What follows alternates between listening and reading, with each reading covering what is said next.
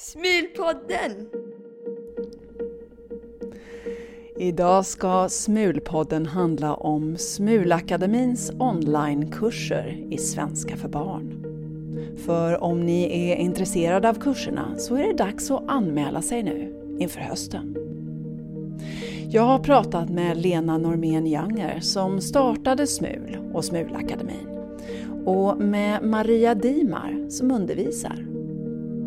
Och jag har naturligtvis träffat en av Smulakademins elever, Oliver Gruner, som bor utanför Washington DC i USA. Jag heter Petra Sokolowski. Oliver är född i USA men bodde i Stockholm i tre år och började skolan i Sverige. Och ni kan höra mer om hela det äventyret i Smulpoddens avsnitt om att flytta till Sverige. Men nu har familjen Gruner bott i USA igen i nästan ett och ett halvt år. Oliver har just gått ut trean och har hållit igång svenskan med hjälp av Smulakademin. Hans lilla syster Elisabeth går på Svenska skolan i Washington DC på lördagarna. Men då har Oliver fotboll.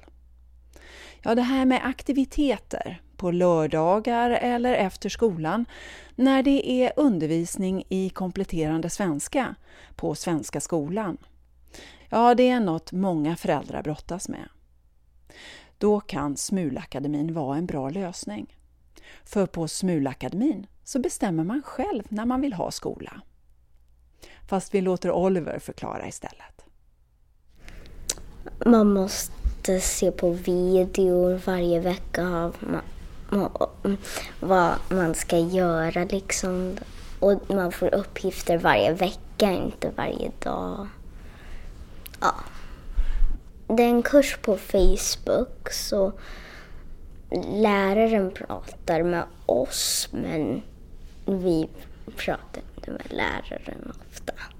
Ibland så skickar vi videor av oss som säger, som pratar om något.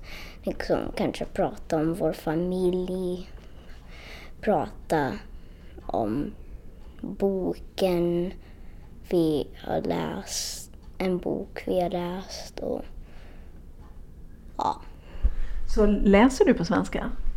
Ja, det gör jag. Kan du berätta vad du läser? Jag läser Lasse-Maja. Um, och så läser jag Smul. Jag har just um, blivit klar med Smulboken som vi fick. Den försvunna elefanten. Och um, jag läser ibland fotbollstidningar på svenska och många saker. Visst är det bra när fotbollsintresset hjälper med svenskan istället för att konkurrera ut den. Oliver Gruner har precis läst ut kurs 4 på Smulakademin. Förra året hade Smulakademin över 100 elever på sex olika nivåer.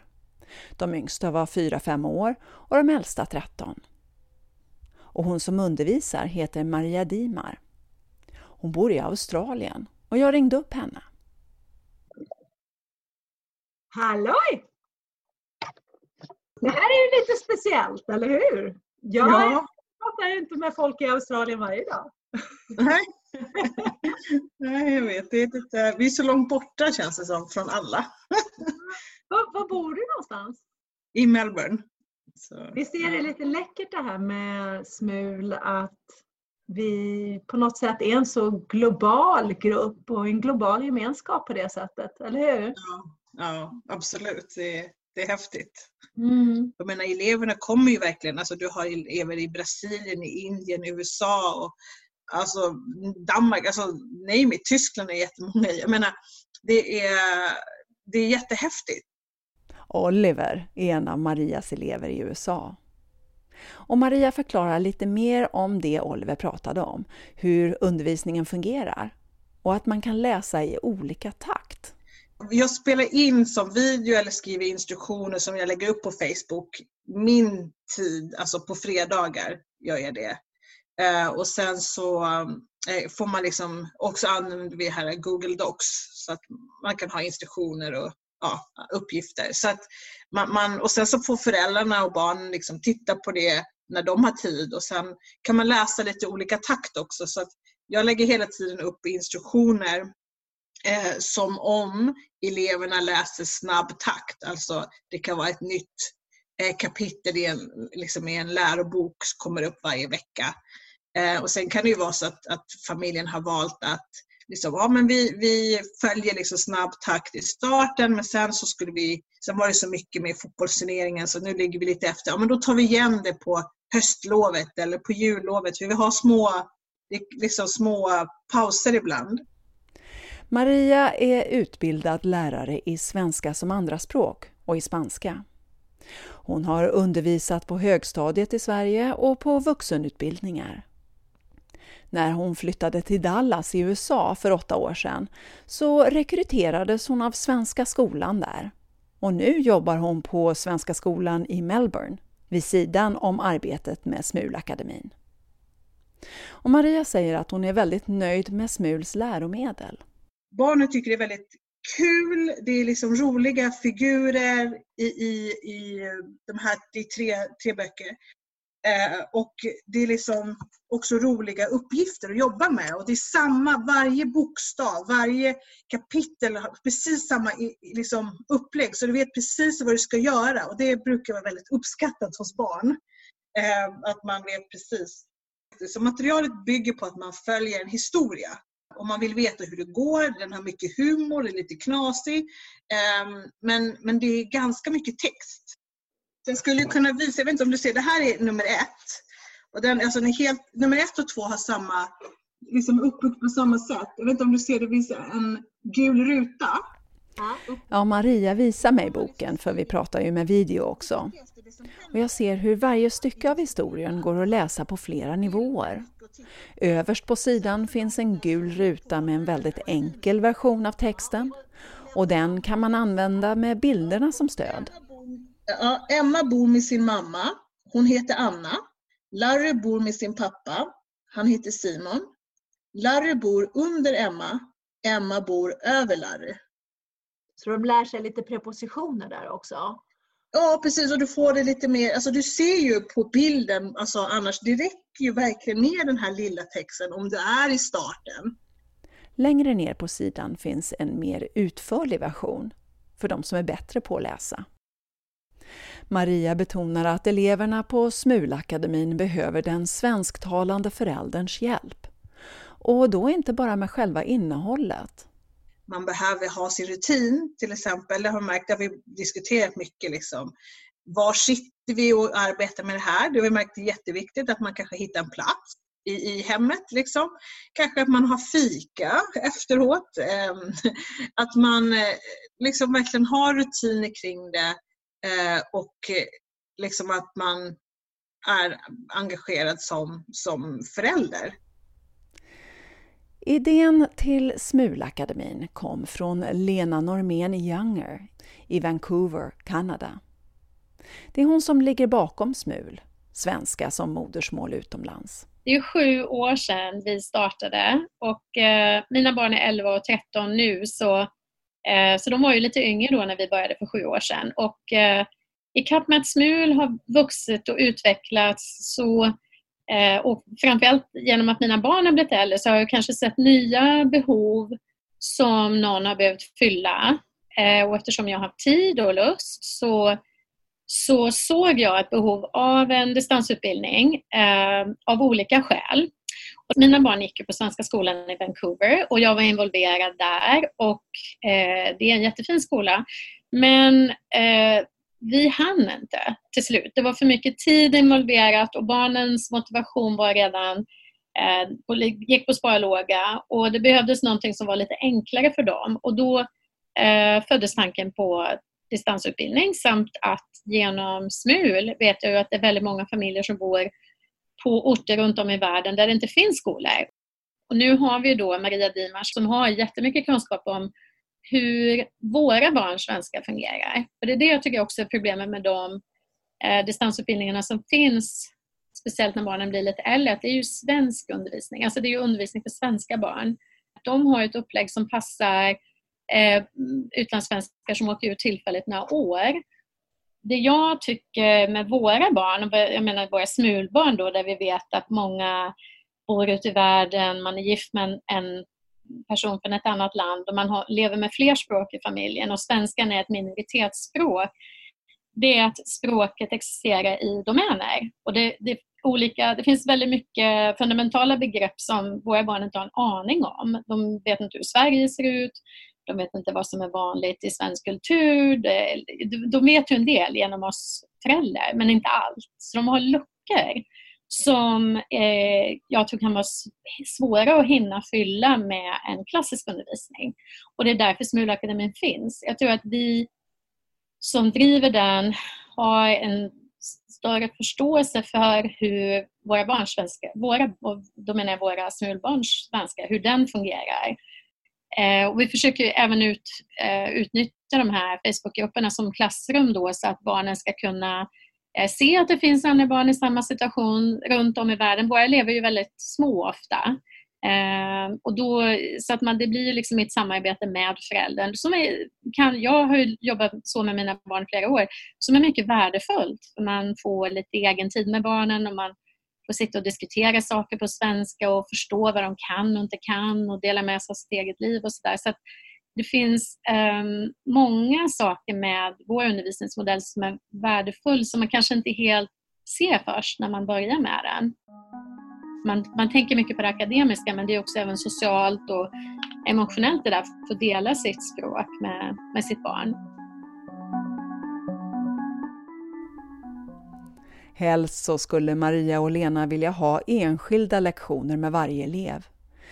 Men det är inte bara svårt på grund av tidsskillnaden. Det är väldigt dyrt också. Innan Lena drog igång med Smulakademin så gjorde hon en enkät på Smul. Och det visade sig att vi i Smul gärna vill ha svenska kurser online. Men vi vill eller kan inte betala så mycket för det.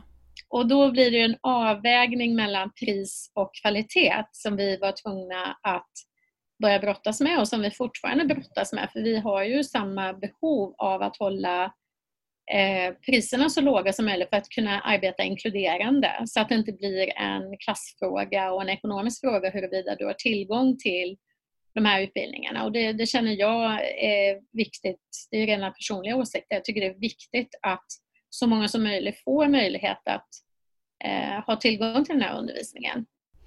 Lena och Maria på Smulakademin har hela tiden anpassat kurserna allt efter behov och förutsättningar. Läromedlen är framtagna av författaren till Lasse-Maja-böckerna, Martin Widmark.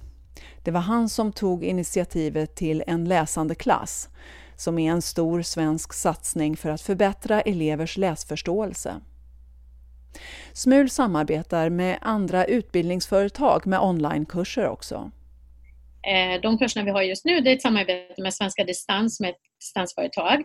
Men vi har också haft kurser med Global Svenska som är ett annat nätföretag och som riktar sig till äldre barn då, som är upp till eh, från 13 till eh, 19 och där man kanske mer sysslar med att förbereda barnen för TISUS som är ett test som man kan ta för att komma in på svenska universitet.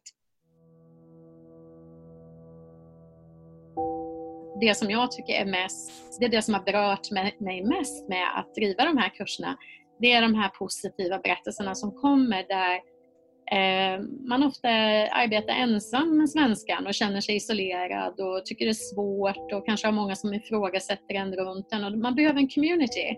Och det är det som jag tycker är fint med distansutbildningar som man kan knyta då till sociala medier som till exempel SMUL, att man jobbar på många olika plan och att man känner att man är del av någonting större, att det inte bara är jag själv.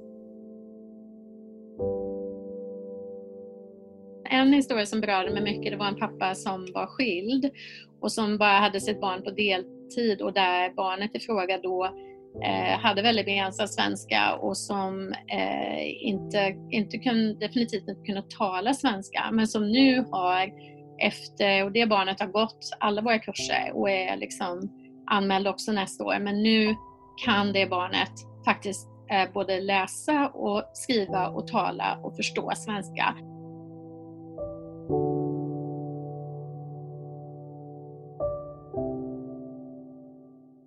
Sådana här solskenshistorier tycker jag är viktiga att lyfta fram för att i slutändan så handlar det kanske inte bara om tid utan också om att man vågar tro på att man kan göra det.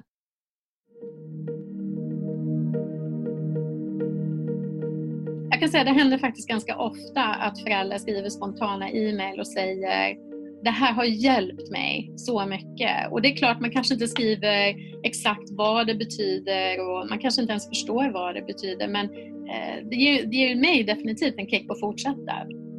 Men jag blir alltid sådär varm i magen och liksom bara wow. Och så tänker jag på det där barnet då som kan åka till Sverige och det vet vi ju liksom att de barn som kan svenska idag, de har mindre hinder att kunna flytta tillbaka till Sverige, att studera i Sverige.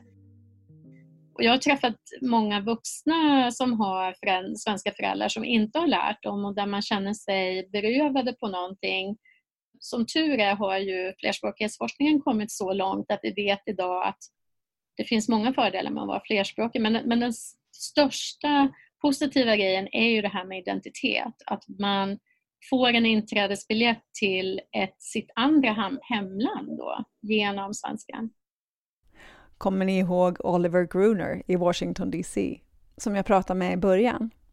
Jag frågade honom hur han gör med sina språk och sina hemländer. Men, men pra, pratar du svenska med mamma? Ja. Vad pratar du med din syster? Um, båda. I, ja, ja, i, Elisabeth brukar... Vi bruk, när vi leker så prat, brukar vi prata engelska men när vi bara pratar så är det svenska ofta. Har du funderat på liksom om, ifall du skulle vilja bo i Sverige igen? Jag skulle faktiskt vilja. Ja. Varför då? För att jag vill variera lite. Men liksom, jag vill flytta fram och tillbaka. Liksom. Ja. Nästa år ska Oliver läsa vidare i femman på Smulakademin, där det ingår geografi också. I sexan, den högsta nivån, läser eleverna svensk historia, förutom svenska. Om ni vill veta mer om kurserna så kan ni ju titta på Smuls hemsida svenskautomlands.org eller skriv till info svenskautomlands.org. Glöm inte att sista anmälningsdag är 1 augusti och över 75 elever har redan anmält sig. Ni har lyssnat på Smulpodden med Petra Sokolowski.